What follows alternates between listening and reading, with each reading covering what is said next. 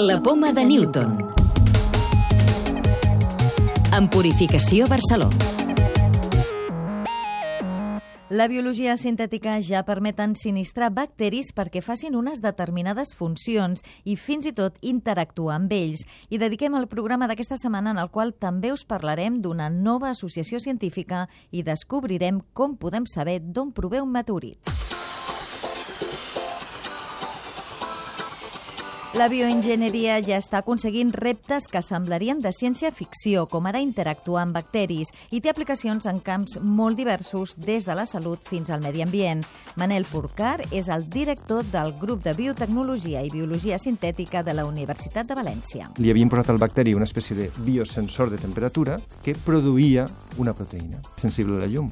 Tu preguntaves, tens calor? Traduïa aquesta pregunta a una longitud d'ona que corresponia a la proteïna que tenia. Si l'organisme efectivament tenia calor, la proteïna estava present, s'excitava i rebotava la llum en una altra longitud d'ona, que l'aparell també reconeixia i traduïa en una veu cibernètica que deia sí, tinc calor.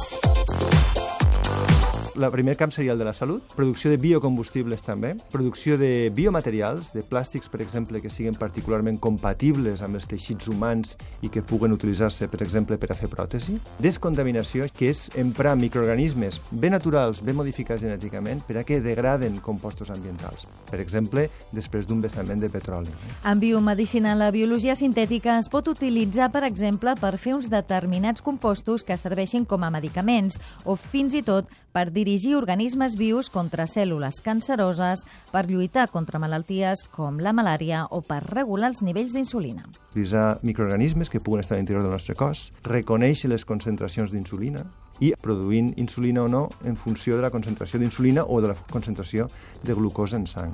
Una vegada això comença a posar-se en marxa, les possibilitats són absolutament espectaculars. Però aquests investigadors reconeixen que l'objectiu final d'aquestes tècniques és encara més enllà, generar des de zero bacteris molt simples per poder-los modificar en funció d'unes determinades necessitats, és a dir, crear vida.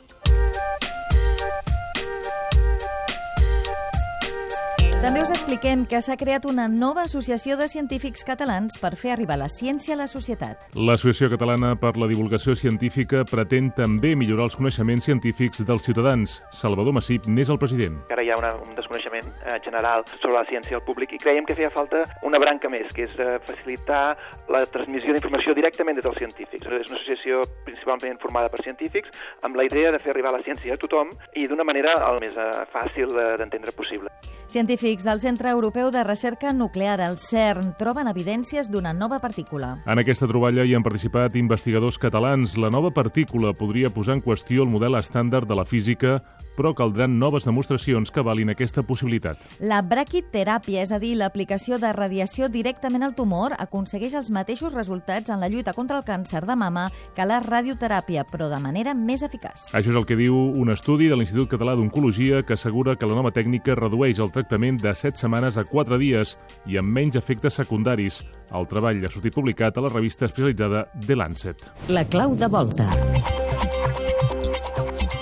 Com podem saber l'origen d'un meteorit, si ve de la Lluna o de Mart? Jordi Eloi, de l'àrea de recerca i coneixement de l'obra social La Caixa. Perquè els meteorits que venen de la Lluna o de Mart són meteorits que provenen d'un cos on ha hagut una diferenciació geològica, un cos de grandària important, molt més gran que no pas un asteroide.